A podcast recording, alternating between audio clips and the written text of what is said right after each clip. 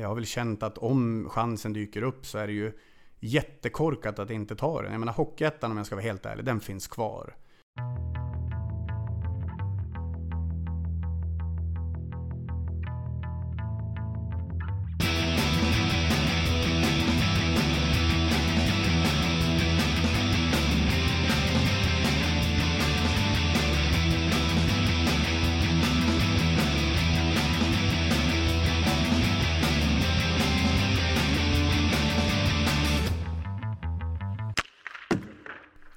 Hallå där! Välkomna till ett nytt Trash Talk Hockeycoach i Transylvanien eh, Ja, eh, veckans gäst har tagit en minst sagt okonventionell väg genom sin tränarkarriär och eh, Jens Brännström han berättar om sin resa från att vara lite av en doldistränare i Sverige och Hockeyettan till att de senaste åren har varit verksam i Ungern och Rumänien och då närmare bestämt Transylvanien där det är en aningen annorlunda hockeyverklighet som möter den här berättar han om sina år i Sverige och eh, utmaningarna utomlands i ett snack som rymmer det mesta.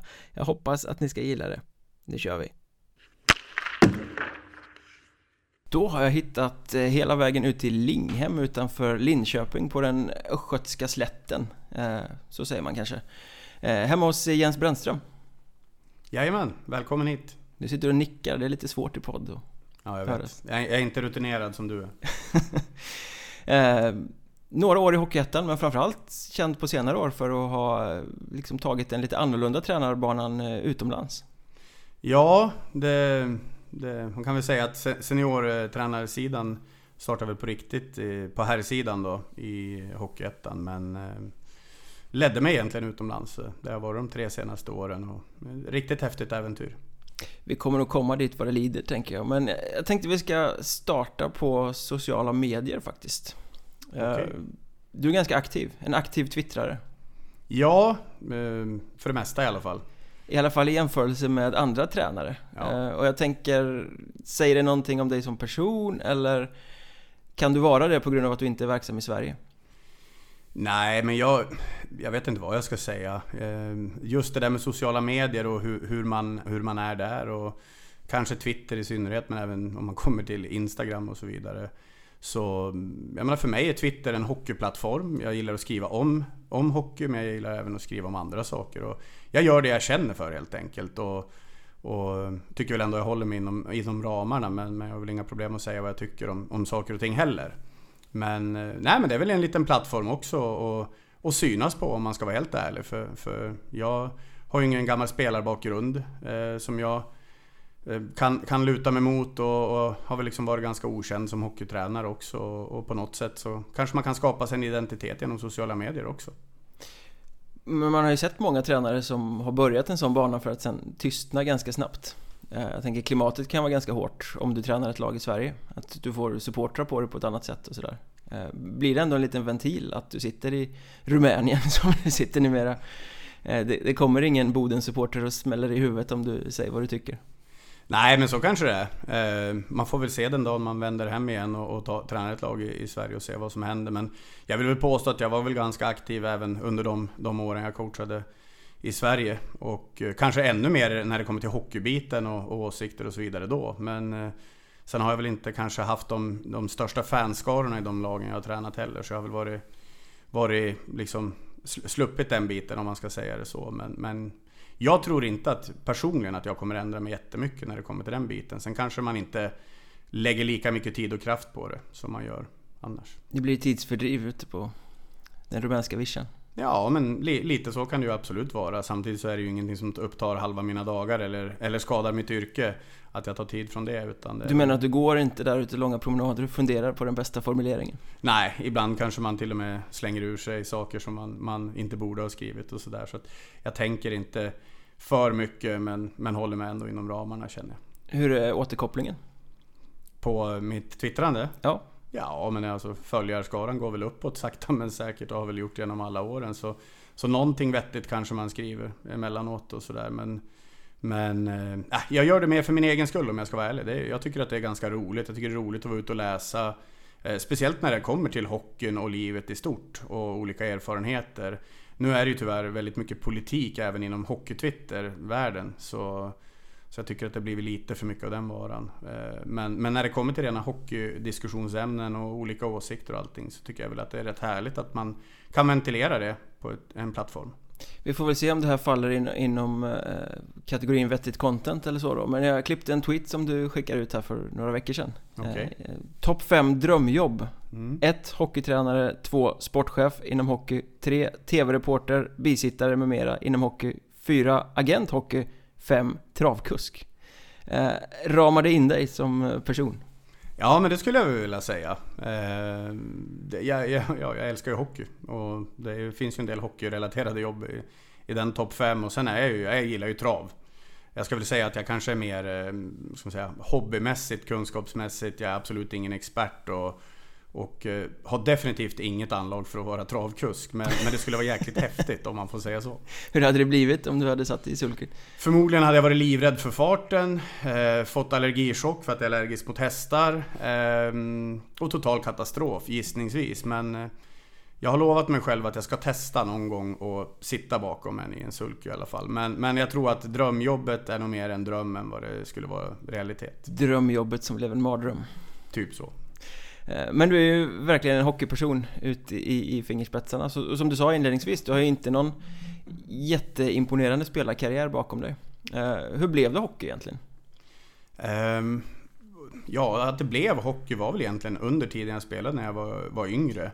Um, min moderklubb IF Älgarna eh, hade vi ett 81-lag, jag är född 81 och, och vi var väl, vi var väl egentligen klappkass om man ska vara helt ärlig på ungdomsnivå.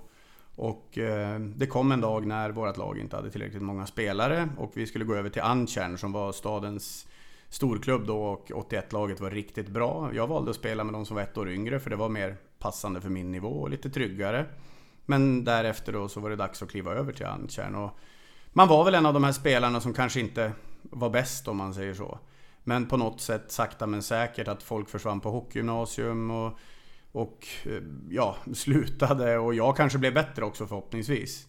Och hittade någon, någon väg eh, i, i, i mitt spelande i alla fall. Så tyckte jag att det blev roligare och roligare. Jag har alltid tyckt att det var roligt men, men just att få spela mer och mer och mer och, och känna att man blir bättre gjorde väl att hockeyn var extremt rolig. Och jag spelade ju fotboll i samma veva men valde att sluta med det när jag var 15.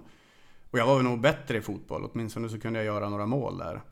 Eh, men, och hade väl kanske en större potential. Men, men hockey var så jäkla roligt så att för mig var det liksom, det var inget snack. Men själva spelarkarriären blev inte särskilt lång? Nej. Jag eh, avslutade väl egentligen det jag kallar min riktiga spelarkarriär när jag var 20 med att spela division 2 i Höga Kusten Hockey. Och eh, därefter fick jag ett jobb som var att arbeta skift varannan vecka kväll och då är det lite svårt att, att spela på någon vettig nivå i alla fall. Och vilket kanske jag hade velat och behövt gjort för att, för att känt motivationen fullt ut. Men nu har du varit tränare i, ja, egentligen det är väl det man kan kalla din karriär. Ehm, känner du när du blickar tillbaka på alla de här åren att eh, du liksom har haft en nytta som tränare av att inte ha en lång eh, spelarkarriär bakom dig? Ja, för min egen del, i och med att jag inte nådde några högre höjder eller var den största talangen inom spelar, spelar, eh, spelardelen så känner jag att det har varit otroligt nyttigt för mig. För jag brukar säga det till mina tränarkollegor som jag har haft som kanske kliver av en aktiv spelarkarriär i division 1 eller i Ersteliga eller vad de nu avslutar. Är att jag har gjort det här i 20 år. Inte för att jag kan allt eller att de inte kan bidra någonting med, med, med, liksom med den biten. Men, men jag har verkligen fått gått stegen från U10 till Eh, juniorsida till seniorsida, herr och dam. Eh, väldigt mångfacetterad får jag ju säga att min, min erfarenhet är. Och jag har gjort verkligen alla stegen och gått alla utbildningar. Jag har, jag har, jag har gjort grundjobbet så att säga. Och det har tagit mig 20 år. Plus kanske till och med dit jag är nu. Så att jag började ju väldigt tidigt. Så att jag har skaffat mig ganska mycket erfarenhet. Så jag känner, för min del, har det varit otroligt nyttigt som tränare. Tror du det är för många spelare som går direkt från en karriär till att ställa sig som ass i ett skapligt upphöjt seniorlag till exempel? Utan tvekan. Jag tror att, jag ska inte säga alla, för vi är alla olika, men väldigt många skulle nog faktiskt må gott av att få jobba åtminstone på äldre ungdomslag, kanske eh, börja där någonstans och liksom lära sig grunderna i hockeyn egentligen. Eh, jag tror att man glömmer bort dem ibland. Sen är det ju vissa som har fallenhet och naturlig övergång till ledarskapet också som kanske passar bättre på seniornivå. Men, men jag tror att väldigt många skulle, skulle må gott av det och, och liksom bygga upp sin egen erfarenhet och sin egen entusiasm kring hockeyn helt enkelt. Och också faktiskt få göra rätt för sig innan man får sina jobb. Ja, det finns ju en, eh, ett missförstånd kanske det inte är, men någon form av tanke att har man spelat hockey och varit bra så är man en bra tränare. Mm. Eh, det känns ändå som att tränarskapet är betydligt mer komplext än så. Ja, det är ju min tro i alla fall. Eh, som sagt, det finns ju jättemånga som har varit naturliga ledare inom, när de var spelare som, som kanske har det och har gått nära och varit intresserade av och verkligen sett att det här kanske är min framtid och då kanske det blir lite lättare övergång och, och många blir, gör ju fantastiska resor med det. Men sen finns det ju de som faktiskt kanske aldrig heller har varit någon form av ledare eller har naturliga ledarskapsegenskaper eh, egenskaper och, och så vidare som, som testar på. Men, men det blir inte så jäkla bra helt enkelt. Jag har, jag, jag har sett det och jag har sett båda delarna, så kan man väl säga. Alla blir inte lika långvariga som du i gebitet, så att säga? Nej, precis. Alla är inte lika ja, dumma i huvudet som jag är. Som, Tjurskalliga! Som, som härjar på från, från, ja, men från U10 och uppåt och, och i så många år. Men, men eh, ja, kärlek och passion för det gör det ju lättare. Men som sagt, det är en ganska brokig tränarbana du har haft. Eh, och på seniornivå egentligen så startade du väl med LHCs damer? Ja. Är jag rätt då? Liksom, du kommer in i det säsongen 10-11? Ja, precis. Om man tittar på vad som finns på ja, Elite Prospects till exempel så är det ju där. Jag tränade ju faktiskt Timrås damlag i division 1 som var dåvarande högsta serien för damer. Men uppdelade i fyra delar och, och även Härnösands damlag när de startade. Men, men det blir ju på en liten annan nivå kan man ju vara ärlig och säga. Men det var LHCs damlag 2010. Och damhockey var lite mindre i ropet då än vad det är nu? Absolut, det var det ju. Linköping var ju lite föregångare då. Man satsade lite mer pengar, än, eller lite mer, ganska mycket mer pengar än vad de andra klubbarna gjorde. Man ville ge tjejerna en, en liksom större möjlighet att utöva sin idrott på ett mer professionellt sätt än vad väldigt många andra klubbar gjorde. Och att få chansen att och liksom jobba i den verksamheten då var ju för mig helt perfekt och helt fantastiskt. Och Ska jag titta tillbaks på det så är väl de fyra åren som jag var med laget där kanske det som har utvecklat mig absolut mest i mitt ledarskap. Men du hade olika roller? Ja. Jag var ju huvudtränare i två säsonger och eh, Ska jag vara helt ärlig så tyckte väl kanske inte jag i efterhand så här. Då tyckte jag att jag gjorde ett jättebra jobb. Men, men tittar jag på det i efterhand så kanske jag hade gjort om ja, 75% av det jag gjorde på ett annat sätt. Det är men, det som kallas erfarenhet. Det, det, det kallas att lära sig av, av att göra misstag. Eh, men någonstans kände jag väl att som tränare var jag väl lite färdig efter de två åren just, just med det laget vi hade då. Eh, men jag brann väldigt mycket för, för verksamheten och fick frågan om att vara sportchef och anställa tränare och bygga lag och, och liksom jaga det där SM-guldet som, som man hade satt upp som målbild. Och det drev mig oerhört mycket att göra det. Eh, sen blev det ju så på, av olika anledningar att jag hamnade i båset egentligen båda säsongerna när jag var eh, sportchef också. Eh, I olika roller delar av säsongerna. Men, eh, men huvuduppgiften var ju att jag var sportchef de sista två åren. Vad tänker du om utvecklingen som har skett på den sidan när du har följt den från sidan av nu de senaste tio åren sedan dess? Som liga, om man ser SDHL som det numera heter, då är ju fantastiskt vilken nivå den har ökat upp till att kanske vara, ja åtminstone topp två bör den ju vara i världen av ligor. Och riktigt där var vi ju inte under min tid. Vi hade en väldigt bra liga. Eh, men liksom, när jag värvade den första kanadensiska landslagsspelaren så var det ju big news. Nu är de ju där, ja, nu är det ju inget konstigt alls att de kommer. Och att finska toppspelare kommer och så vidare. Så Fråga Leif Bork. Ja, ja Leffe har, har åsikter om det och, och det tror jag många har. Och det, kan väl jag ha till viss del och, och det är väl lite motsägelsefullt för jag plockade in väldigt mycket importer under min tid i Linköping. Och, men jag hade en tydlig målbild, vi skulle vinna SM-guld. Och jag tyckte att hitta en utländsk spelare istället för att sno de bästa svenska från en annan klubb som då måste ersätta med en import istället. Kände väl jag kanske att då, då är det bättre att låta dem vara och kanske bygga ut som en ädel riddare alltså, som skonade motståndaren. Eller hur? Jag, jag räddade de andra elitklubbarna. det, det, är din förtjänst att STHL blev vad den blev. Absolut, utan tvekan. Vi säger så. Ja. Eh, för du drog vidare till Norge sen. Ja. Till eh, ja, ungdomshockey. Ja.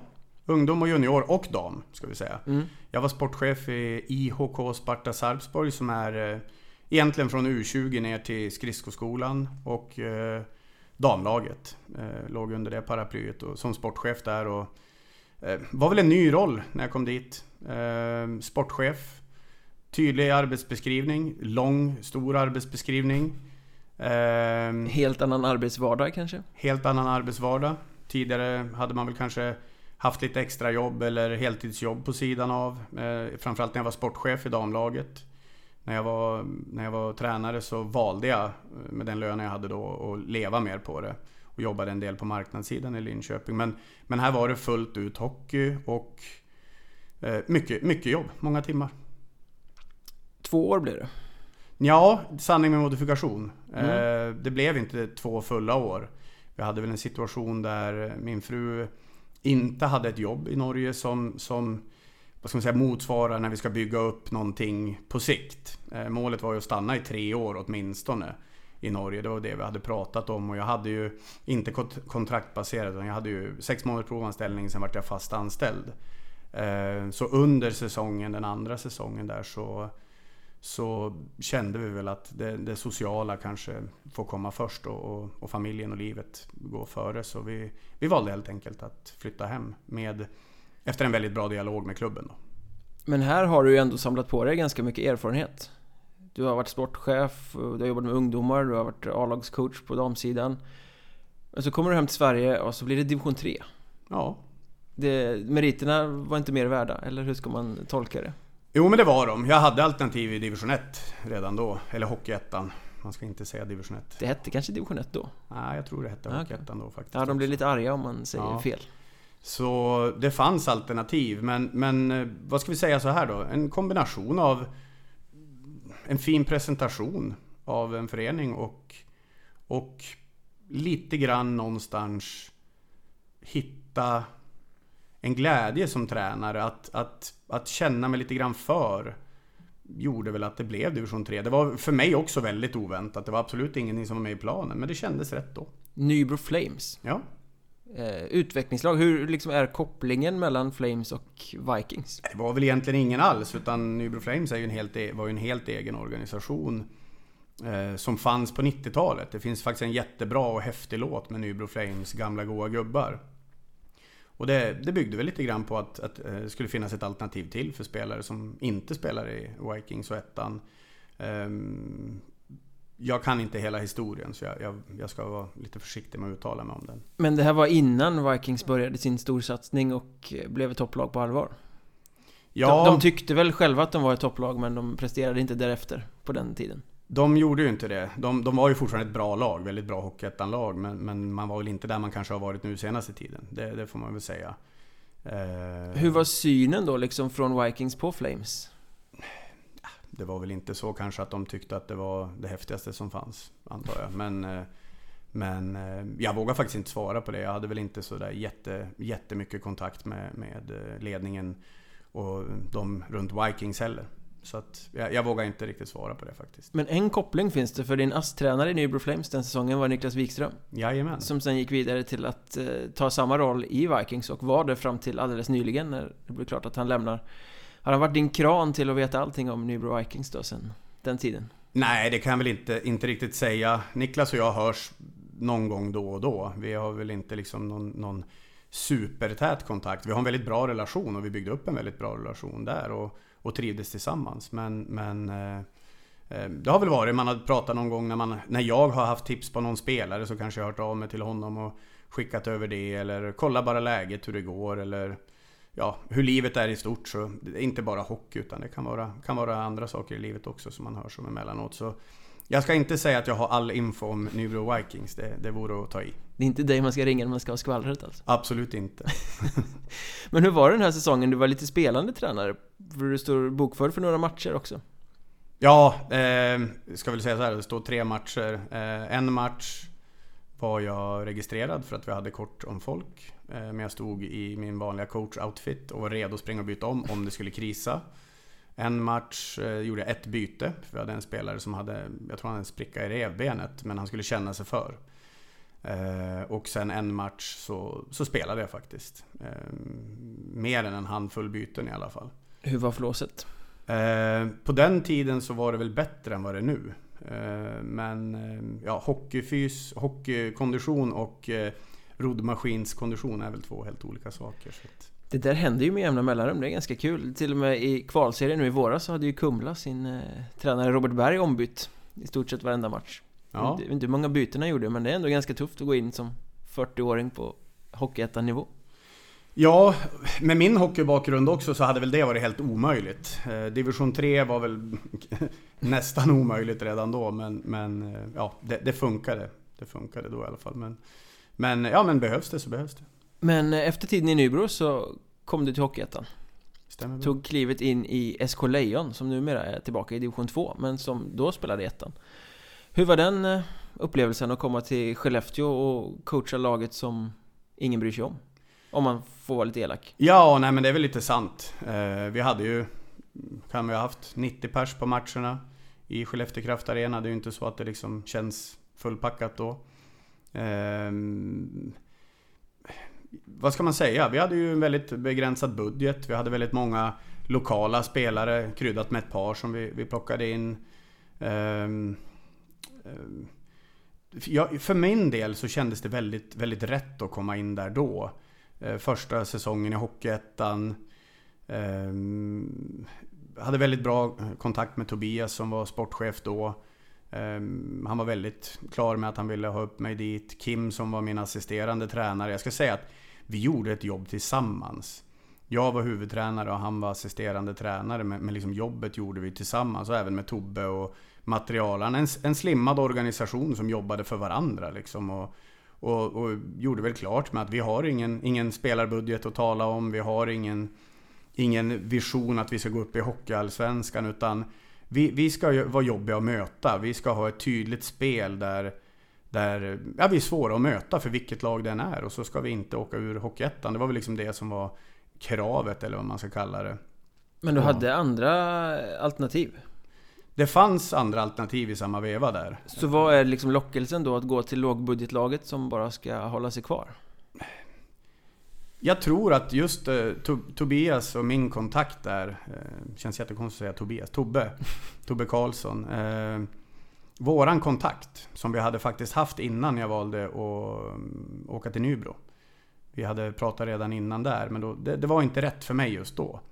Eh, det, det, vägde väldigt tungt. Att få, få liksom någon som tror på en, någon som vill ha dit en, någon som man känner att man kan prata med, någon som ja, men tänker lika fast ändå olika. Liksom. Det, det kändes bara rätt och det kändes som att det är ett perfekt steg för mig att ta och, och liksom också få jobba med en underdog. Det var, det var liksom lite, lite lockande och lite utmanande. Och det blev rätt bra? Ja, det måste jag säga. Vi, vi var inte det målgladaste laget. Det har nog SK Lejon aldrig varit, tror jag. Nej, vi öste inte in mål, men vi öste inte in där bak heller. Så vi var, vi var ganska tajta och jobbiga att möta. Vi jobbade väldigt hårt. Och, och ehm, jag skulle säga att i fortsättningsserien så hade vi ju häng på, på en playoff-plats ett tag in där och sen, sen fallerade det lite grann. Och då fick man ju titta lite neråt igen då, men vi säkrade liksom kontraktet ganska, ganska hyfsat i tid i alla fall. Så att, det blev en bra säsong sett till förutsättningarna. Men 90 pers på läktaren säger du. Det var en match när ni inte hade 90 pers utan när ni hade fullt hus. Ja, det var lite mer då. Eh, Jim Eriksson, om, om ni vet vem det är. Gjorde... Ah, han var halvskaplig var han, som han var, han var hygglig. Ja, nej, det, det, var en, det var en häftig match. Det var en häftig match och ja, jag vet inte om du vet historiken bakom den matchen. Vad, vad den grundade sig i. Ja men den skulle samla ihop pengar till klubben på något sätt, Precis. vet jag. Slimmad organisation, ingen vidare ekonomi.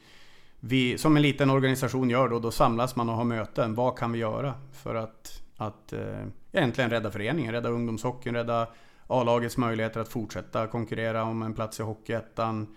Eh, ja, och då, då bestämde vi att vi skulle göra en publikmatch. Helt enkelt och sen så kryddades det med att vi, vi fick hjälp att få in en spelare som, som började träna med oss tidigare och, skulle spela den matchen var väl det som var hundra klart då, men vi hoppades ju på ett gäng fler matcher också. Men hur var det då? Han hade gått skadad och visste inte hur det skulle bli med karriären och sådär. Precis, han hade ju rehabat ganska länge Och eh, hade ju inget kontrakt med Skellefteå AIK just då och eh, eh, började väl då efter att vi, vi fick nys om att han, att han kunde tänka sig att, att hjälpa oss med den här matchen att eh, börja träna med oss. Han tränade ju ett bra tag med oss innan där och, och eh, ja, få, få den möjligheten liksom att, att kanske hjälpa honom att komma in, ut på is också men att han framförallt hjälpte oss med att fylla arenan och, och göra en häftig tillställning av det också. Vad gav det en så ung grupp som ni ändå hade där i, i Lejon att en sån spelare kommer att träna med dem? Ja, men alltså det är bara att tänka sig. Om jag säger 80% av vårt lag var ju spelare som kommer mer eller mindre från juniorhockeyn eller har spelat ett år kanske i Hockeyettan eller division 2 för den delen också innan. Och så kommer det in en före detta landslagskapten som har spelat OS och så vidare för Sverige och en legend i Skellefteå AIK och vi spelar i Skellefteå Kraft Arena. Jag menar, det säger sig självt att, att alla vill ju gärna visa honom att titta på mig, jag kan också spela hockey och, och, och liksom energiboosten av att han, bara hans närvaro gör ju såklart att, att det, det tänder till lite extra. Gällde det även tränaren? Både ja och nej. Alltså det är ju jättekul. Jag pratade med Jimmy en del och frågade lite hur ser han på det inför första matchen till exempel. Vad, vad är han trygg med? Vad vill han spela? Hur ser han på saker? Så jag menar självklart så tänker man ju till en gång extra när man planerar en träning. När man har någon som har kanske ännu mer kritiska ögon än de spelarna man har. Vilket jag, jag tycker det är bara bra. Så att, men, men jag, jag, är ganska trygg i det att jag, jag gör ju den grejen jag gör. Och, och tycker folk inte att det är tillräckligt bra, då brukar de tala om det och så får man försöka göra det bättre. Så att, så att oavsett om det är Jimmy Eriksson eller vem det nu kan vara i laget. Men ni kom bra överens? Ja, det tycker jag. Det, vi, vi hade inga problem under den korta tiden. Det blev succé i alla fall. Han gjorde 1 plus 1 i den matchen och ni vann har jag för mig. Ja, precis. Eh, assisten kommer jag inte ihåg. Målet kommer jag ihåg och jag har sett det faktiskt några gånger i efterhand. Det var inte så länge sedan. Han eh, tar väl tre returer eller någonting och spelar runt om honom Oj, Jim Eriksson. Och så jag vågar inte gå på liksom. Nå, nej, men det blev en lite, liten eh, stel situation bara runt mål. Och, och, han är ju han är bra där runt kassen. Och för att backa tillbaks till vad han är trygg i. Jag frågade i powerplay. Vad tyckte han att han skulle ha för roll? Ja, men jag ska väl vara på kassen ja, säger han. Även när man kommer från den bakgrunden och så, så kallat kliva ner i division 1. Mm. Så. Men det blev bara den matchen? Det blev bara den matchen. Vi hoppades ju på mer men, men eh, jag ska inte säga sanningen men jag tror att han hade en ganska bra kontakt med Skellefteå AIK som inte kanske tyckte att han skulle spela så många fler matcher utan att han skulle jobba på rehabba klart och fortsätta träna med oss gjorde han ett tag också efteråt. Innan det var dags att kliva in i SHL. Och karriären fortsatte ju en stund till där. Den gjorde ju det. Tog slut. Han hade väl något riktigt bra slutspel framförallt där. Efter om jag, om jag minns rätt. Det är lätt att blanda ihop åren. Det är ju det. det, är det. Han har några år på den nivån. Men din karriär fortsatte genom Hockeyettan söderut, ner till Lindesberg och Lindlöven. Precis. Eh, ett steg upp, eh, ingen toppklubb men ändå ett steg upp. Och det blev väl en mittemellan-säsong, eller hur ska man Ja men det får man, väl, det får man ju vara ärlig och säga. Vi, vi satte väl upp ganska höga mål som grupp. Det fanns väl inget tydligt uttalat från klubben att nu ska du ta oss till Hockeyallsvenskan eller nu ska vi spela i Allettan. Det var ju målet, att spela Allettan. Och Ska man vara helt ärlig så satte vi upp högre mål som grupp när vi hade en, en teambuilding-helg och, och, vi hade ja, men en tydlig målbild vad, vad, vi ville göra. Och den var, den var väldigt hög. Och vi tyckte att vi hade talangen i laget. Sen, sen med facit i hand så saknade vi väl ganska mycket åldersstruktur enligt mig. Vi hade kanske lite för ungt lag generellt sett för att kunna konkurrera på den nivån. Och det är någonting man får vara delvis självkritisk för jag var ju med och bidrog till det väldigt mycket. Och eh, det är väl det man kan titta på, på rent lagbyggsmässigt den säsongen. Men talangen fanns absolut i gruppen. Och vi började ju katastrof. Alltså mm. riktigt dåligt. Eh, så egentligen sopade vi väl bort allettan redan första 5-6 omgångarna. Eh, vi hade Tranås hemma minns jag första matchen. Jag tror vi leder med 4-1 om jag inte är ute och cyklar nu hemmapremiären och tappar det till 4-4 och förlorar på om det var overtime eller straffar. Eh, en poäng där, ja men det är väl inte katastrof mot Tranås med deras lag de hade och sådär men... En sån sak kan ju sätta tonen ganska mycket. Det kändes lite så. Sen hade vi några tunga tapp efter det innan vi började vinna om vartannat eller vad man ska säga. Så vi var ju aldrig riktigt nära att ta oss till allettan. Eh, däremot fortsättningsserien var ju egentligen spikrak i mångt och mycket. Förutom att vi hade ett lag som heter Forshaga som helt plötsligt hade fått upp någon riktigt ånglok där som ja, de bara körde överallt. Mm. Men vi ledde ju egentligen serien hela vägen fram till sista omgången när vi skulle slå Malung hemma. Malung som hade fått veta på dagen att de blev klara för att hålla sig kvar, kom upp och hade ju ingenting att spela för och vi leder med 3-1 i tredje perioden och sen tyvärr rasade allt så vi tappade playoffplatsen i sista matchen med allt i egna händer och en 3-1-ledning med 17 minuter kvar om, om jag nu minns det hela rätt. Du får trösta dig med att det där hände Lindlöven nästan varje säsong så att det kanske inte låg så mycket på, på ditt bord. Ja, nej men... Ja, san, jag, jag, jag, känner att vi, vi var så pass starka att vi skulle kunna tagit den platsen. Men, men ska man vara helt ärlig så kanske Forshaga var bättre än oss i, även i fortsättningsserien. Vi fick ju inleda med någon fler poäng och vi tog poäng kanske när de tappade någon. Men däremot när vi mötte dem så var det de som slog oss. Eh, vi hade ju en säsong också med väldigt tråkigt med skador och, och eh, ja, men bortfall på, på ganska tunga och viktiga pjäser om man ska vara helt ärlig också. Som, som ja, men det spelar in liksom att, att det blir tuffare. Så är det men jag tycker ändå att det, vi hade tillräckligt bra att vi skulle ta oss till ett playoff. Så, så jag, mellansäsong absolut. Eller, eller till och med i min värld så var det ett misslyckande. För att jag hade ju mycket högre ambitioner än sådär. Jag tänker lite på det för att nu har du varit i, i eh, Linköpings damer, det har gått ganska bra där ändå får man säga. Du eh, lyckas hålla SK Lejon kvar i, i Hockeyettan. Ni gör liksom inga stora resultat, men ni gör det som är förutsatt. Eh, betraktar du Lindlöven som första liksom misslyckandet som seniorcoach? Eller motgången, kanske bättre ord? Ja, men alltså motgång var det ju. Det är ju ingenting att snacka om. Jag menar, vi hade höga ambitioner och vi når inte upp till dem. Då är det ju en motgång. Samtidigt så är det ju någonting som jag tror att jag har med mig som har hjälpt mig framöver. Jag tänkte komma till det, var det en lärdom då också? Liksom att, utan eh, tvekan, utan tvekan. Jag menar, det, vad kan man göra annorlunda? När ska man ändra saker? Hur mycket ska man ändra? Varför ändrar man? Eh, varför ska man inte ändra? Du vet, alla de frågeställningarna som snurrar runt i ett huvud när det går tungt.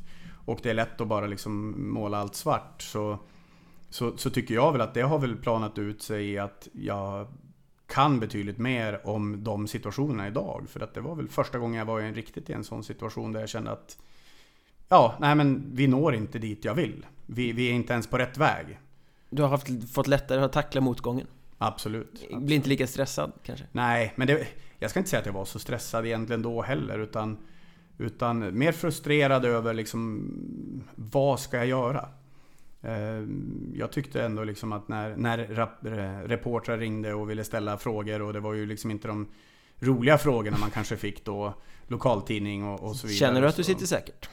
Ja men du vet den frågan. Och det, det kände jag hela tiden. Så det, ja. var, det var ingenting som jag gick och funderade på överhuvudtaget. Utan för mig handlar det mer om att vi måste hitta en väg. Vi måste ju hitta våran identitet så att vi kan ta oss dit vi vill. Och jag tyckte att vi hittade den i, i, i fortsättningsserien. Jag tycker att vi var riktigt bra där. Men det var ett lag som var bättre än oss mm. i slutändan. Men sen kommer vi till det som det tvistas lite om. Det finns två versioner här. Så mm. jag tänker att du är väl rätt person att eh, reda ut den. Var det så att eh, du hade ett ettårskontrakt som eh, gick ut och inte förlängdes? Eller var det så att du blev lite halvsparkad, att det plockades bort någon optionsår där? Vi hade ett möte och vi kom överens om att vi går skilda vägar. Alltså det, det, är inte mer dramatiskt än så. Jag har fått den där frågan många gånger och sparkade absolut inte. Eh, att vi valde att inte förlänga, ja, vi hade ett möte där vi diskuterade saker och ting och, och vi kom fram till att, att vi, vi går skilda vägar. Så det är verkligen inte mer dramatiskt än så. Och, och eh, jag tror att det var rätt för båda parter, om man ska se på det i, i backspegeln. Eh, av, av flera anledningar helt enkelt. Men, men eh, jag har ju otroligt, jag ska inte säga att vi ringer varandra varje dag nu men i år efter det så har jag haft otroligt bra kontakt med klubben, med sportchefen Thomas och jag menar när jag skulle flytta till Budapest så var det han som skjutsade mig till tåget som skulle ta mig till flygplatsen. Så jag menar det, det finns ingen, inget groll eller gammalt, gammal hund begraven eller vad man nu säger utan vi hade ett möte och kom fram till att jag går en väg och de går sin väg.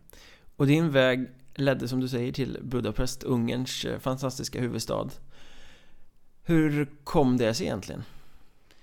Ehm, efter det mötet som jag berättade om precis i Lindesberg så kom jag hem och eh, min fru och jag hade ju pratat väldigt mycket om vad, vad framtiden ska ge. Ska man siktar på att vara kvar om man blir erbjuden en förlängning eller ska man röra på sig? Och hon hade ju lyft upp alternativet med, med att flytta utomlands och testa någonting nytt. För jag har ju varit väldigt sugen på det.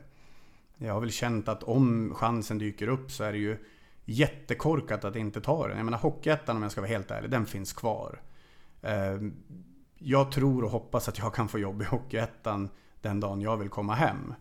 Ehm, man, man, måste våga prova lite grann. Så, så har väl jag känt hela tiden egentligen. Och när min fru lyfter upp det som kanske inte var jättepigg på det innan. Jag menar det, det var ju ingenting att ens fundera på. Det var ju, jag satte mig ju och började kolla runt redan samma eftermiddag. Liksom.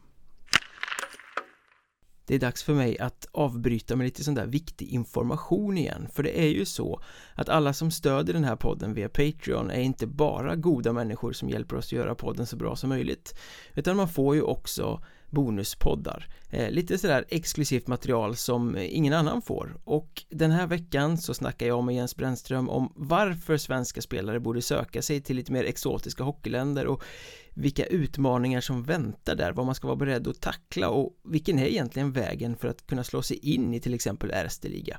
Det blev ett väldigt intressant snack och ni hittar det på Patreon, patreon.com, sök efter Mjölnbergs Trash Talk. Där står allting om hur man stödjer podden och hur man lyssnar på det här bonusmaterialet. Nu tillbaka till snacket. Säsongen 1920 är det här, inför 1920 och sen dess har du blivit kvar utomlands. Ja, det blev så. Så att det, det gav mer smak med andra ord. Ja, men det måste jag säga. Eh, kan väl gå in på det direkt då. Det, jag tittade ju på alternativ utomlands och insåg väl att det här är inte så lätt. Nej. Eh, varför ska jag få jobb utomlands och varför ska de vilja ha mig? De vet ju inte vem jag är. Jag har Hockeyettan som högsta merit på herrsidan. Jag har vunnit SM-guld med, med LHCs damlag. Tyvärr, om man ska vara helt ärlig, så tror jag att folk underskattar den meriten väldigt mycket och i synnerhet utomlands. Mm. Eh, på många ställen är den inte värd någonting egentligen. Tyvärr. Det tycker jag är jättetråkigt för det, det man gör egentligen samma jobb. Ja men de, de har kunnat kommit lika långt i många av de här länderna kanske så att man, de tänker att det är likadant som där. Mm. Och, och därav så, så kände jag att ja, men det här är svårt. Jag hade något spår där med Frankrike, faktiskt högsta ligan på gång. Men jag var väl tredje valet och något av de två första valde att tacka ja. Ehm, det, fann, det fanns lite, lite trådar ute som ja, men jag kände att det kanske kan lösa sig, men det gjorde det inte. Ehm, men då hade jag via en kille som heter David Järvå eh, som har varit involverad i Djurgården bland annat, i Vita Hästens J18 sen han kom hem från Ungern. Han var J20-tränare bland annat i en klubb i Ungern. Och vi träffades på, jag tror att det här var på ett flyg ner till om det var Turkiet eller om det var till Grekland, det måste jag få låta vara osagt. Det var ingen hockeyresa man andra Nej, vi satt helt, plö helt plötsligt bredvid varandra på ett flygplan och insåg att vi båda var hockeytränare och började prata och därav hade, fick vi lite kontakt efter det. Men han hade tipsat eh, KMH eh, Budapest, eh, Kanada i Magyar Hockeyklubb och mig som tränare för deras eh, U21-lag och EUHL-lag. Det är alltså ett universitetslag som spelar i den europeiska universitetsligan. Om om, om att de skulle kontakta mig, och vilket de gjorde. Och ja, jag tackade ja helt enkelt och flyttade ner dit. Eh, med det jobbet och, och, det kan man väl tycka då, ja men Hockeyettan kontra att ta ett juniorlag i Ungern, ja varför vill man göra det? Och, och så vidare. Dels så fick jag möjlighet att jobba heltid med hockey med, med en ganska bra lön. Eh, Budapest, rätt häftig stad att bo i. En livserfarenhet att få vara i ett land som satsar otroligt mycket på att bli bättre på hockey. Enorma pengar som de pumpar in i utvecklingen där nere och, och en livserfarenhet. Så, så därför valde jag att tacka ja. Men du flyttade till Budapest för att ta hand om juniorlaget men det dröjde ju faktiskt inte särskilt länge förrän du stod i, i representationslagets bås i Erste Liga. Nej. Så det var snabba ryck där. Det gick fort. Um, Ja, de valde helt enkelt att byta tränare i, i laget i Erste Liga och eh, frågan gick till mig. Och, eller frågan, de talade om för mig att från och med imorgon så har du ett nytt lag och du ska träna eh, vårt lag i Erste Liga. Vad var den spontana känslan då? Eh, det var dubbelt. Självklart, jag menar, jag, jag flyttade och tog det här juniorjobbet för att visa att jag är en bra hockeytränare. Att ett lag i Erste Liga skulle få upp ögonen för mig. Det var ju liksom mitt mål, men jag hade tänkt att jag skulle göra en säsong åtminstone. För att visa att jag är bra nog. Och, eh, så på så sätt så hade jag väl nått det som var första målet med, med utlandsflytten. Men samtidigt hade jag blivit väldigt bra vän med tränaren som fick gå helt enkelt. Och eh, ville ju prata med honom innan jag valde att tacka ja. Och, eller säga att jag accepterade deras, deras val. Och eh, han hade faktiskt sagt på det mötet när han fick veta att han inte skulle vara kvar att eh, då han hade frågat vem de skulle anställa istället och då hade de sagt mig och då hade han givit sitt medgivande och tyckte att det var bra. Så det, det, var faktiskt viktigt för mig. För det där är ju, nu kom du förvisso från juniorlaget så det är kanske en lite annan grej men det kan ju från sidan av så här, se lite lustigt ut när man sparkar en tränare och sen tillsätter ASS-tränaren till exempel. Eh, att det blir lite, inte bara kniv i ryggen men att det kan vara, ja hur mycket förändras. Ja. Alltså, anledningen till att de gjorde det val de gjorde, det är klubbledningen. Det är ju general manager och president och så vidare i klubben som väljer att göra göra den förändringen. Ehm, det, det, kan inte jag så svara för. Nu var ju inte jag ASS-coach utan jag var Nej. ju tränare i juniorlaget. Så vi hade ju inte den direkta kopplingen så utan vi blev ju mer vänner på ett annat plan. Eh, men för mig var det ändå, tycker jag, viktigt att prata med honom innan, innan jag påbörjade det jobbet. Och liksom verkligen få hans välsign välsignelse att han tycker att det är okej. Okay. Hade han sagt nej, ja då hade det blivit en knivigare situation. Då hade man ju liksom fått, fått gjort ett val. Men, men, men nu behövde jag inte ens fundera så långt. Och det hade jag väl inte tänkt på innan jag ringde och frågade honom heller. Men nu sitter du alltså i Erste liga och vi ska sätta det i kontext för lyssnare som kanske inte har eh, jättebra koll så är det Ungern och Rumänien som ja. delar en liga i stort sett. Ja det kan man säga. Det är ju Unger, ungersk baserad liga med tre rumänska lag varav två är i den, ska man säga, ungerska delen av Rumänien. Eh, Seklerland som det kallas. Som har varit ungerskt en gång i tiden, om, man, om man, ska ha historielektionen. Ja, men precis, precis. Eh, ja, och nivån misstänker jag att du är lite nyfiken på. Ja, den är jag väldigt nyfiken på. Mm. Eh, min första reaktion när jag tittade från sidan var att det var väldigt många duktiga spelare. Väldigt mycket skicklighet och väldigt offensiv, frejdig och lite, ja men som man kallar det, Hawaii-hockey. Mm. Det, det, var inte så strukturerat men det var väldigt, väldigt roligt att titta på. Eh, det var väl min första liksom, anblick av det hela och, och där var, tyckte jag det var så svårt att sätta vilken nivå håller den här ligan. När man kliver in och jobbar i det i, i vardagen så skulle jag vilja säga att jag tycker att det är en ganska hög nivå. Men du har ju väldigt stort sprek mellan dina importspelare som Jag menar vissa har spelat i NHL eh, nu hade inte jag den nivån på mina importspelare, men, i ligan, i många lag, så är det ju spelare som har varit i NHL, de har spelat AHL, KHL. Ehm, de är inte 40-45 när de kommer, utan de är 30, mellan 30 och 35 oftast i den, den nivån. Och sen har du de här kanske importerna som kommer från East Coast Hockey League som är 28. Så det är ganska bra nivå på importerna. Och Sen har du de inhemska spelarna, håller ju vissa landslagsnivå. Ungern gick upp i A-gruppen i, i VM nu till exempel. Men du har ju även eh, vissa i fjärde line som kanske håller med division 2-nivå. Så att det är så svårt att säga vilken nivå ligan håller. Mm. Eh, men man insåg också att det går att göra väldigt mycket med struktur om du har ett lite svagare lag. Ja men det är väl så en hockeynation på frammarsch. Att man kan se att klassen höjs eh, successivt. Utan tvekan, så är det ju. Jag tror att det är en liga som framförallt tar steg varje år. Eh, den blir bättre och bättre. Det är... Eh, ska man säga så här, att de kan ha den nivån de ändå har i Ungern är ju för att det, det är ganska bra löner. Det är ganska... Det är lätt att behålla sina inhemska spelare. Om de inte kommer till de absoluta toppligorna i Europa där de tjänar mer pengar. För att de, de, de är lite kungar hemma och de tjänar en bra ungersk lön om man säger så. Väldigt bra ungersk lön.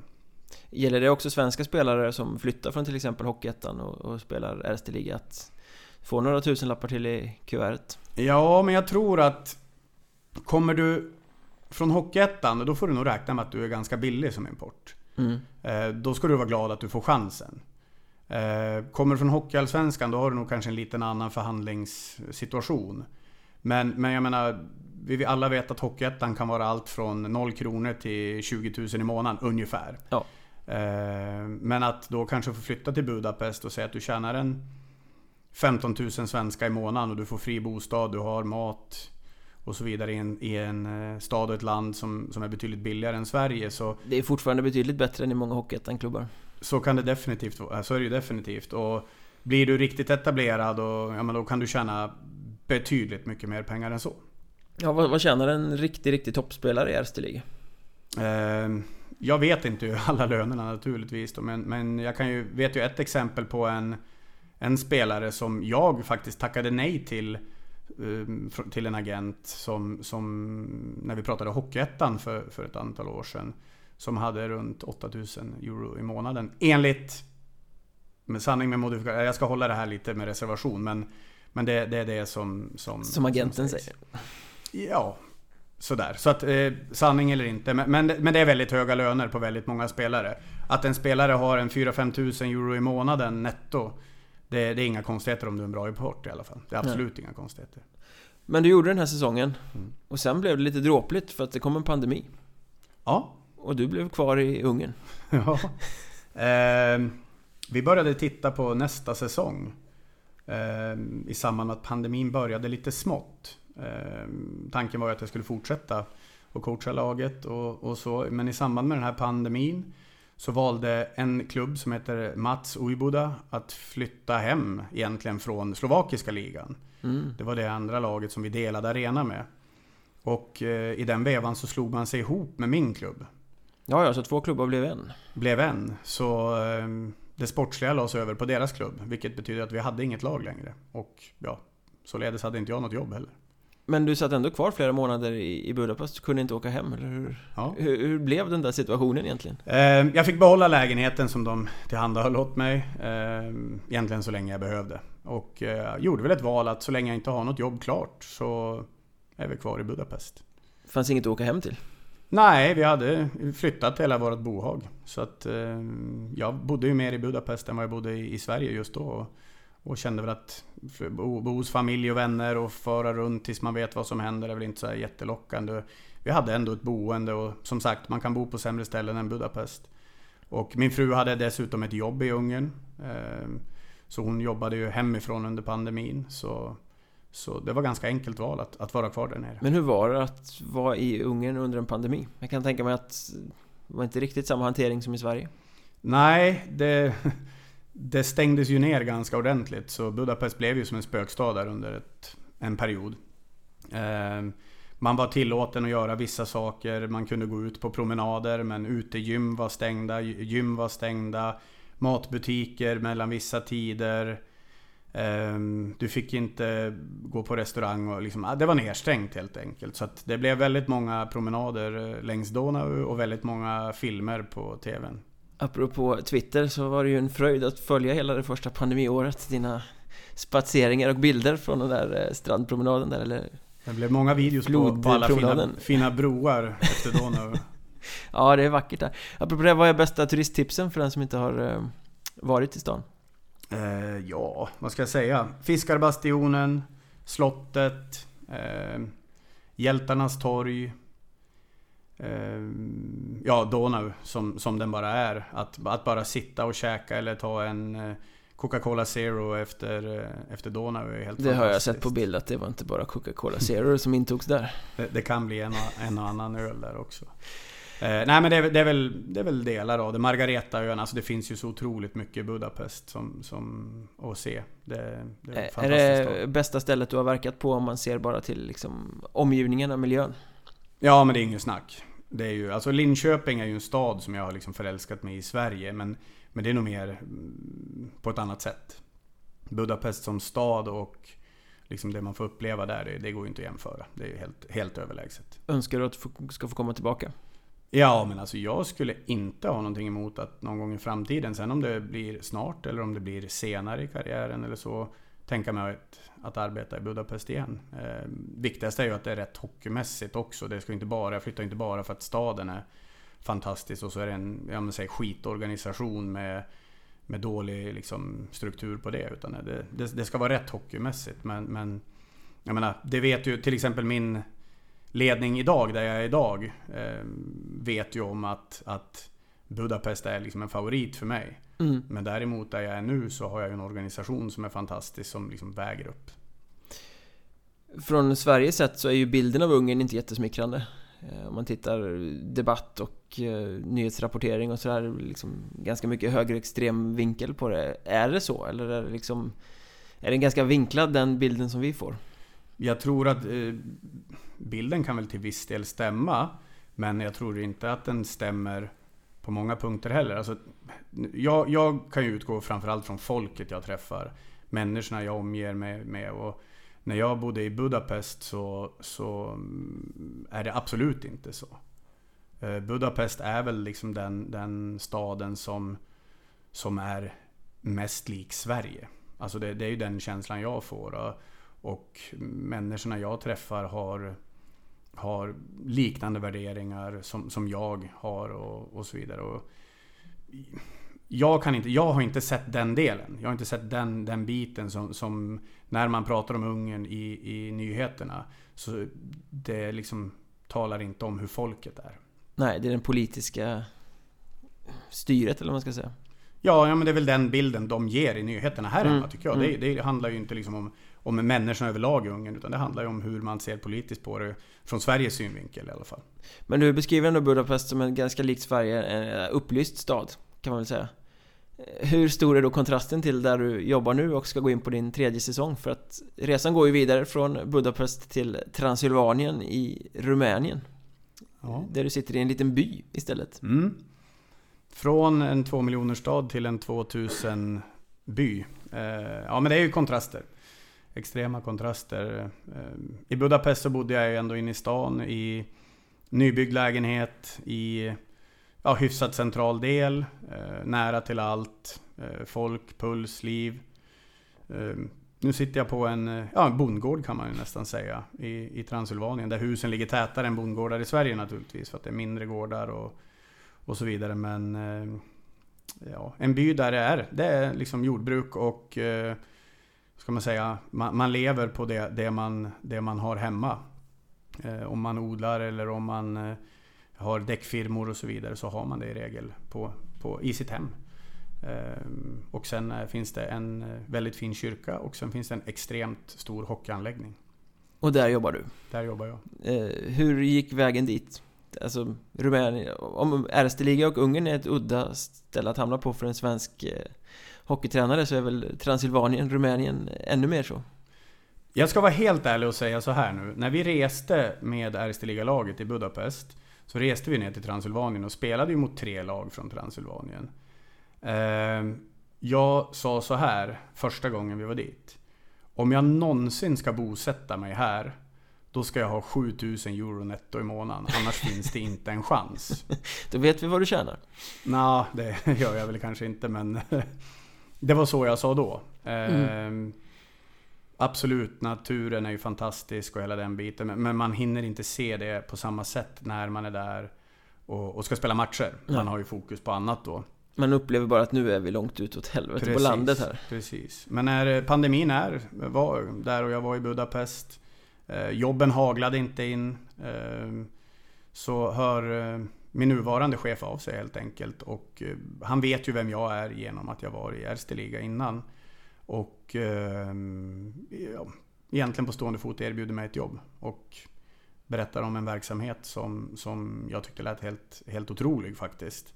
Hade ju inte sett den verksamheten då, då det laget inte spelar i, i Erste liga utan i den rumänska ligan och universitetsligan i ja, Slovakien, Tjeckien och numera Polen också. Ja, ni spelar i två ligor samtidigt? Precis. Vi spelar i den rumänska ligan och i en European University Hockey League. Vilken av dem är bäst? Eh, rumänska ligan är ju, håller ju högre nivå. Mm.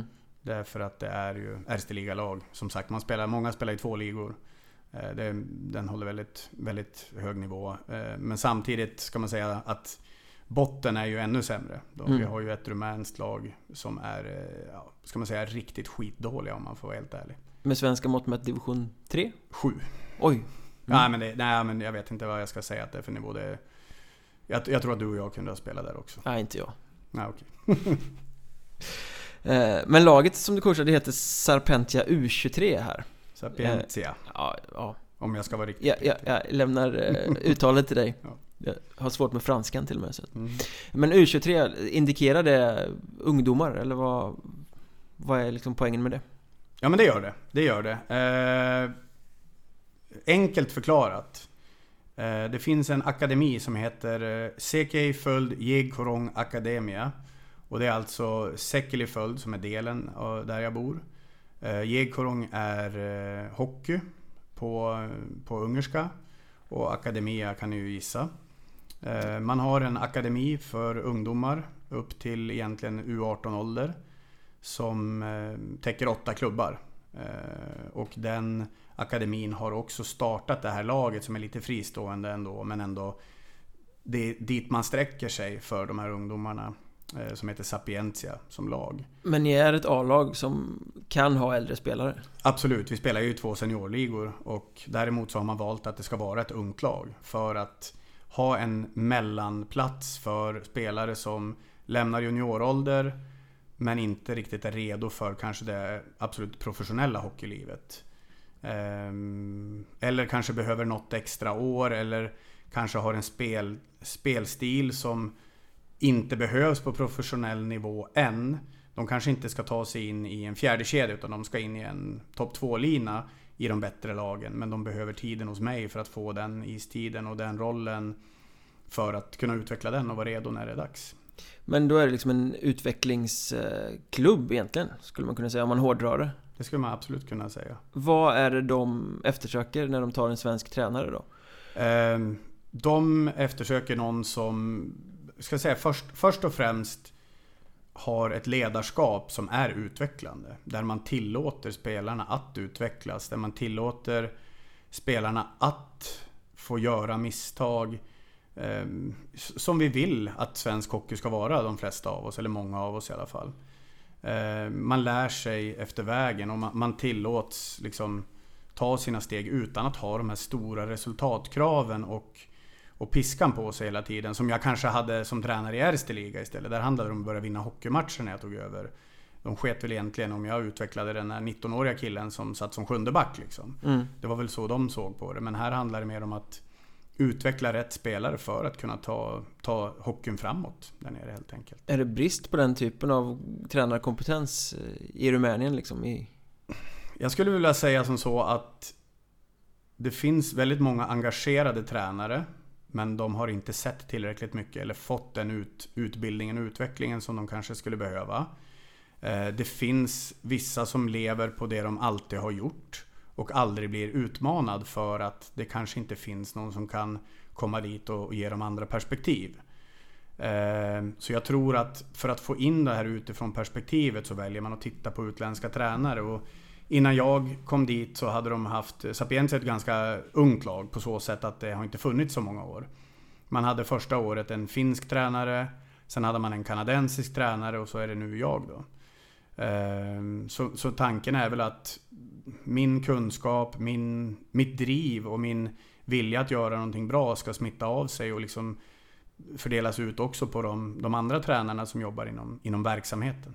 Men innebär den här lite annorlunda vardagen också då att du måste skruva mycket på ditt eget ledarskap? Nej, det tycker jag inte. Jag, jag, har, alltså jag har ju en, en, grundfilosofi som jag tror på. Jag har ett sätt att vara som, som jag... Jag kommer aldrig ändra på det. Sen kan jag justera saker som behöver bli bättre när jag märker att det inte funkar. Men, men ska jag passa på ett lag eller i en verksamhet, då måste min personlighet och det jag står för som ledare stämma överens. För annars är jag helt fel person att ha där. Eh, så jag, jag skruvar på det på så sätt att jag kan sätta mig in i andra situationer och andras verksamheter och, och försöka hitta liksom vägarna in där. Men, men det handlar väldigt mycket om att, att är jag rätt person och kan jag få med mig och få folk att lyssna eller att våga prata med mig, ifrågasätta det jag gör och så vidare. Så, så, så, så har vi nått någonstans och då kan vi utveckla varandra tillsammans. Men hur är intresset där nere då? Ehm, kring hockeyn? Är det drag på matcherna eller är det bara ja. utvecklande? Är, ja, I mitt lag ska jag väl inte säga att vi har ju inte liksom några fans på det, det sättet utan nu har vi ju haft pandemi även när jag har varit där nere så vi har ju inte fått haft publik på matcherna förrän i säga, halva den här säsongen som vi precis avslutade. Och på, när vi möter de lokalkonkurrenterna, men då kommer ju fans från deras lag och eh, för oss är det ju lite, lite liksom division 1-stuket, det är några hundra mm. kanske som kommer. Men, men våra liksom, konkurrenter och framförallt lokalkonkurrenterna som även spelar i Erste Liga, de har ju bra med fans. Alltså det, de, det är riktigt bra drag kring hockeyn. Och eh, i Transylvanien är ju hockeyn väldigt, väldigt stor. Och hur är klassen här då? Om du sa att i Erste Liga så var det ganska bra klass på de bästa lagen i alla fall. Hur är den rumänska hockeyn? Om man viktar den mot Sverige? Om man, om man tittar på, på ligan i Rumänien så är det åtta lag. Jag skulle säga tre, de fyra bästa lagen är ju alla topplag liksom, nivåmässigt i Erste Liga. Så ja. att Cixereda blev mästare i Rumänien och i Erste Liga. Gergio, nu hade de eh, sjukdom så de var tvungna att lämna walkover i semifinalen i Erste Liga, vilket är jättemärkligt. Men Aj. det är topplag i Erste Liga, topplag i Rumänien. Brasov, som kanske det är till namnet som flest svenskar skulle känna igen, är ju också en stor klubb Erste Liga. Sen finns det ett lag som ligger nära ukrainska gränsen som heter Galat som alltid har väldigt bra importer och de har eh, mycket ukrainare och ryssar. Eh, vissa av dem har rumänska pass också. Så två första femmorna är väl kanske i huvudsak med en bakgrund från Ryssland eller Ukraina. Hur kommer det gå för ett sånt lag nu då? Ja, det, det får vi se.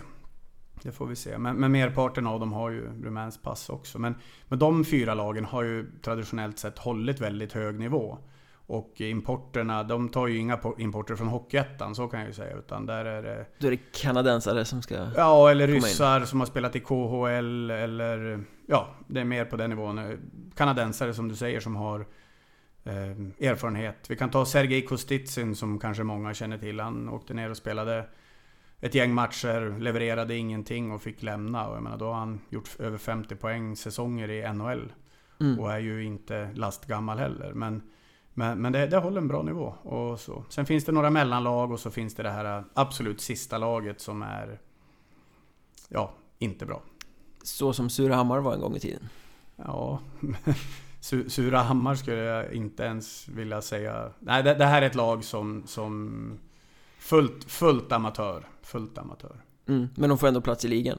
Ja, de har en tradition och det, mm, uppfyller man vissa krav så får man spela oavsett hur Ja, det finns ingen så upp och ner flyttning eller sådär som Nej. det gör i, i svensk hockey? Nej, det, utöver den här ligan i Rumänien så är det ju amatörhockey. Och det här ska ju vara en professionell liga. Ehm, kan man säga. Men du sitter alltså i Transylvanien och det, det som folk tänker på när man hör Transylvanien är ju Dracula i stort sett. Mm. Även om det väl tvistas om han kom därifrån egentligen. Eh, men hur är, hur är den delen av Rumänien rent kulturellt? Kulturellt är ju delen där jag bor, är ju, alla pratar ungerska.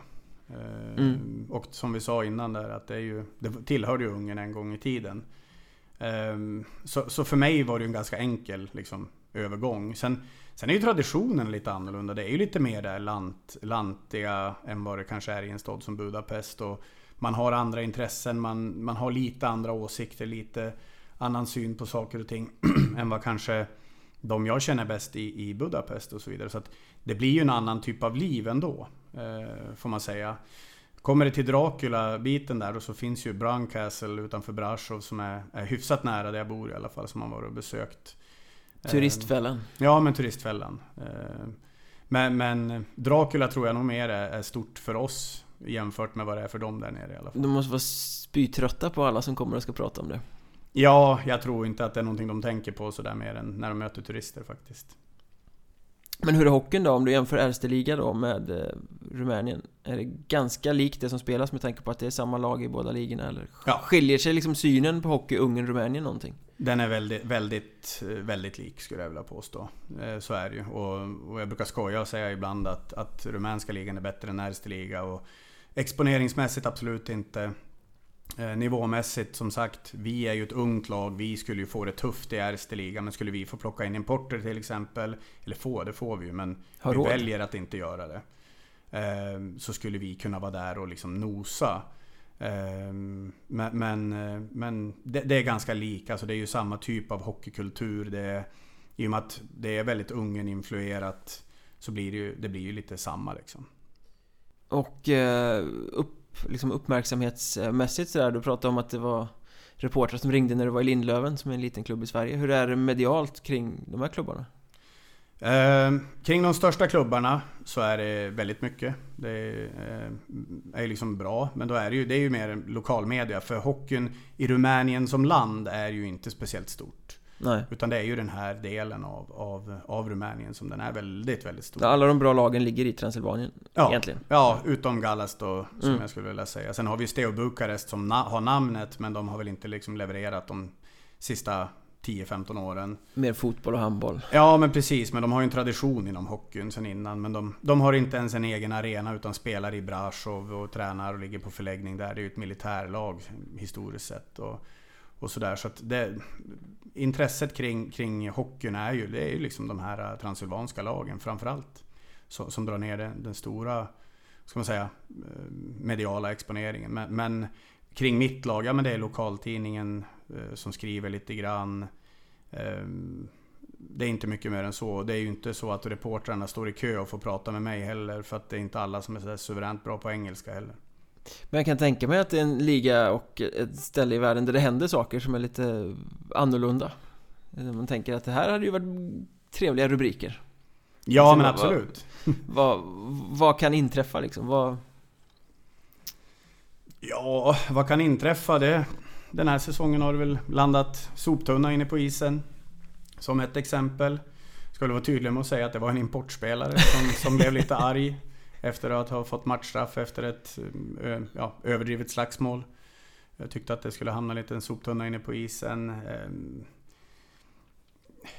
det, det, jag menar, när, när, det, när det går överstyr för alla så, så kan all, allt hända i alla ligor. Men, men ehm, ja, det kan hända lite mer, mer dråpliga saker så kan man väl säga. Och, Ska man vara helt ärlig också då, domarnivån är ju ganska låg för att det finns väldigt få domare, väldigt utsatt position. Det är kanske inte jättemånga som vill vara domare där, vilket gör att bedömningarna kan ju också göra att, att det blir liksom lite roligt i, i matcherna. Vi hade ju ett exempel när eh, våran målvakt får en slashing eh, över eh, ja, båda händerna egentligen när han räddar en puck. Min spelare knuffar undan honom för att markera och får ett knytnävsslag mitt i ansiktet. Vi får två plus två och de får två minuter.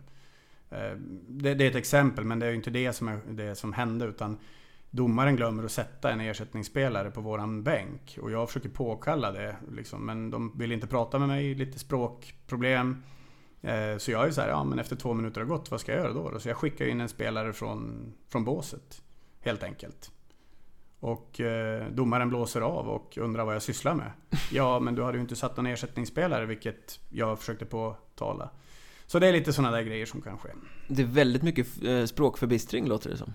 Ja, men det är, det, det är skillnad. Det, all, engelskan är inte helt naturlig för alla. Ehm, det, jag skulle säga att 20% av domarna är bra på engelska. Ehm, de 30% är går att kommunicera och 50% det är helt omöjligt. Speglar det samhället i stort? Det skulle jag vilja påstå att det gör. Det, byn där jag bor är det mycket äldre. Det är väldigt många som ja, men de håller sig där, de bor där, det är där de lever. Har vi liksom inte haft behovet av engelskan. Så när jag går in och handlar på våra små butiker i, i byn så mm, får jag prata ungerska helt enkelt. Det gäller att ha ett smittande leende och köra lite teckenspråk också. Absolut. Brukar allt gå bra? Ja, försöker man så blir de väldigt glada, så kan man väl säga. Och då kommer man undan med att man är lite knackig kanske. Men känner du dig någon gång isolerad då liksom? Att du blir i en liten bubbla? Inom hockeyn då kan jag tänka mig också, om du inte kan... Om reportrar vill inte prata med dig, domarna vill inte prata med dig och... Ja men det kan ju bli en frustration ibland, men då är det, det ska jag säga, det har väl mer kanske att göra just med yrkesmässiga, alltså just hockeybiten. I privatlivet så är jag ju fullt medveten om att det är så det är. Och jag försöker ju lära mig ungerska successivt för att kunna ta mig fram, för att kunna gå på restaurang även i småbyarna där de inte kan engelska och göra mig förstådd. Um, bara en sån sak som att gå och posta ett paket fick jag försöka göra på ungerska och det kom fram. Eh, det, det, är ju en utmaning men, men, samtidigt så är det det som utvecklar mig och jag tycker att det är rätt häftigt och lite roligt också. Jag skulle faktiskt inte vilja ha det annorlunda. Jag skulle inte vilja att alla pratade flytande engelska. Och, utan det ska vara lite, lite utvecklande och lite utmaning känner jag. Kommer du undan med mer också? Alltså, du kan stå och skrika vad som helst, det är ingen som tar notis om det ändå? Ja, det, det brukar de lista ut i slutändan då. Så det, där, där har jag väl... Eh, ska man säga, nu, nu refererar jag, tänker jag ju direkt när du säger sådär på domar, domarbiten till exempel. Ja. Men eh, jag, var väl, jag fick till och med höra det i Hockeyettan eh, av domare att jag var väldigt respektfull. När jag kommer in i, i domarrummet efteråt och har åsikter så eh, diskuterar jag och, och liksom... Du menar du är inte högröd i ansiktet? Nej, men, nej, men ganska lugn. Kan reagera på bänken sådär men ändå liksom resonabel efteråt har jag fått höra från domare. Eh, jag tappade det lite faktiskt när jag flyttade ner till Ungern och sen första året ner i Transylvanien också. Men jag har vänt tillbaks till det där nu att det, jag, jag, får inte ut någonting positivt av det. Så att jag reagerar men sen gäller det att ta ett steg tillbaks. Men är det lite så om du tänker ärsteligan också att du förväntas vara lite mer auktoritär och skrikig och reagera? Eller blev det bara så? Uh, ja, men alltså, jag har också Twitter igen. Jag har skrivit väldigt många gånger att det klagas så mycket på domarna här hemma i Sverige. Jag tycker ibland att det är så helt ofantligt bedrövligt hur hur det klagas på domarna ibland. Självklart är de dåliga ibland. Självklart gör de misstag. Självklart kan de avgöra situationer som, som blir kostsamma för vissa lag. Absolut. Men jag tycker överlag har kritiken gått överstyr lite grann. Eh, jag har ju å andra sidan sagt att jag skulle drömma om att ha svensk nivå på domarna där jag jobbar. Jag skulle tycka det var en fröjd liksom, och liksom verkligen njuta av det. Så, så på så sätt så, så, så, vad ska man säga? förväntas man kanske vara lite hårdare där nere. För nivån på domarna är ganska låga. Mm. Även i Ungern. Eh, men framförallt nere i Rumänien är det extremt låg nivå. Och det är mer okej. Okay. Det är tillåtet att höja rösten mer. Det är tillåtet att vara mer verbal mot domarna och visa sitt missnöje än vad det är i Sverige. Eh, därför har jag tagit steg tillbaks. För jag tycker själv att jag måste ju bete mig på ett bättre sätt. Och jag måste faktiskt gå i bräschen lite grann för att ändra den kulturen så att fler också vill vara domare. För att, för att det de ibland har behöver ta där nere som anses vara okej, okay, gör jag situationstecken här bakom micken. Eh, jag tycker inte att det är okej. Okay. Nej, det är mycket påhopp. Det är för mycket. Och andra importtränare kan jag tänka mig om det kommer in kanadensare och sånt har en annan eh, kultur i ryggen. Just där att skälla ut kanske. Ja, jag ska inte säga att jag tycker att de har varit något överdrivet mycket värre eller, eller sådär. Men, men det är väl klart att de märker också av en skillnad i nivån och sådär. Att, att man reagerar och, och, och, så vidare. Men jag tror att vi alla som har jobbat där ett tag, man, man kommer underfund med att du vinner ingenting på det. Eh, det, är, det här är verkligheten just nu. Och för att det ska bli bättre så kanske vi måste också gå lite grann i bräschen för att vara mer accepterande att försöka inbjuda till mer en, en dialog efteråt eller innan istället för under. Mm. Ja, det blir inte enklare när man har lite knackig engelska att ta sig fram på också. Nej, det blir ju... Lätt att det blir bara det liksom arga. Det blir inte, de, det blir inte den bra, bra dialogen då. Efteråt kanske man kan till och med ha någon som står och översätter om det är så att man vill diskutera eller, eller så vidare. Och, och jag har provat det och det är faktiskt fler och fler som är öppen för att ha en dialog efteråt. Men kanske inte så mycket just under matchen. Allting går framåt. Mm. Eh, men om du liksom hoppar upp i ett helikopterperspektiv kan man säga eh, och tittar på dig själv nu kontra när du lämnade Sverige och Lindlöven då. Hur långt har du kommit som ledare? Um, alltså det, det, där är ju en väldigt intressant fråga tycker jag. Jag har ju tagit de här åren inte bara att jag har jobbat och fått liksom en annan del av hockeyn i andra länder och det perspektivet att se. Och självklart utvecklar det mitt ledarskap. Jag menar, jag har varit i en, organ, en organisation där man fick skäll om man förlorade två matcher i rad. Man fick ha möten. Lite hårdare jargong än vad man är van i Sverige. Jag har jobbat i en miljö där det är väldigt inkluderande, där vi jobbar med utveckling. Så men alla de här bitarna har ju fått mig som ledare framförallt att ta enorma kliv rent hockeymässigt och, och liksom kunskapsmässigt, taktiskt och så vidare. Där har jag lagt väldigt mycket tid på sidan av mitt arbete för att utveckla mig själv. Och jag känner mig ju mycket starkare som både ledare i en grupp och även hockeykunskapsmässigt än vad jag någonsin har varit. Och vilket är ganska naturligt för att man borde ju lära sig hela tiden. Ehm, jag känner väl att jag håller en ganska bra nivå som, som tränare, både ledare och, och rent taktiskt sett. Men känner att utvecklingen går framåt? Utan tvekan, utan tvekan. Känner du dig, vad ska man säga, rotlös eh, någon gång? Jag kan tänka det här utlandslivet. Du är iväg, så kommer du hem, så ska du iväg igen. Eh, nu är vi i Linghem, ni har lite bas här just för tillfället, men liksom eh, Påverkar det livet på något sätt att halva året där, halva året här? Ja, men det gör det ju absolut. Ehm, det är väl först nu på slutet som man börjar känna att det är rätt skönt faktiskt. Att, inte att min fru har flyttat hem till Sverige. Det ska jag inte säga. Det där utan, hade kunnat låta fel. Ja, utan mer att hon flyttade hem, har fått ett jobb som hon vill ha. vi har ett hem, vi har börjat göra ordning hur vi vill ha det här hemma. Jag har någonstans att komma hem till som är vårat. Eh, det, det underlättar ju. Det gör ju liksom att vi har en bas. Eh, vi har, vi har liksom en, en, ja men som du säger, någonstans där vi kan rota oss, där vi kan känna att det här är hemma. Vilket gör att kanske utlandsutflykterna blir lite lättare. Eh, tidigare år så har det ju verkligen varit så att vi, vi har ju bott utomlands. Vi är bosatta utomlands. Men vi äger ingen egen lägenhet eller hus. Vi, klubben tillhandahåller det ena och det andra. Och så vidare. Utan man liksom, det blir inte ens eget, det blir inte ens hem. Och det har varit okej. Okay. Fram tills nu känner vi att det är väldigt skönt att vi, vi har det här i alla fall. Och vad ger eh, framtiden nu då? Du kommer åka ner i slutet på sommaren. Eh, gå in på tredje året i den här rumänska klubben som jag inte kan uttala namnet på. Eh, vad tänker du dig? Var, var ser du dig liksom efter den här säsongen framöver? Var strävar du? Um, jag eh, ser flera vägar om jag ska vara helt ärlig. Um, jag sa när jag skrev på där nere att ja, men två år. Två år känns ganska lagom. Sen vill jag nog ta ett kliv. I Rumänien då? Ja, mm. precis. Uh, nu skrev jag precis på för tredje. Ehm, jag är en verksamhet som verkligen tror på mig. De, de, tycker om det jag har gjort med laget och det jag har bidragit med till hela akademin och organisationen neråt i systemet. Ehm, det är liksom familjärt, man tar hand om, om en som, man, som de kanske inte gjorde med mig i Budapest till exempel. Där var jag, jag tränade laget, sen, sen sket de i mig lite grann. En karga proffstillvaron egentligen? Kom, ja. hit, kom hit, gör ditt jobb, håll käften. Ungefär så. Här är, här är det lite mer, vilket också gör att det är svårare att säga att jag blir inte kvar. Men min plan är att jag ska genomföra en säsong till. Ehm, de har full förståelse för att jag har högre ambitioner rent sportsligt i min karriär. Varpå de har givit mig till exempel en klausul. Att dyker det upp ett arbete som jag känner att det här kan inte jag tacka nej till. Då hittar vi en lösning. Eh, varpå jag också känner att då finns det ingen anledning för mig att stänga några dörrar eller någonting. Utan för mig handlar det om att jag vill ta ett steg efter jag är färdig i Sapientia. Där jag känner att jag har lämnat ett avtryck som jag kan vara stolt över. Och att jag tar ett bra karriärkliv för mig själv. Någonting som mer sportsligt än ekonomiskt om du förstår vad jag menar.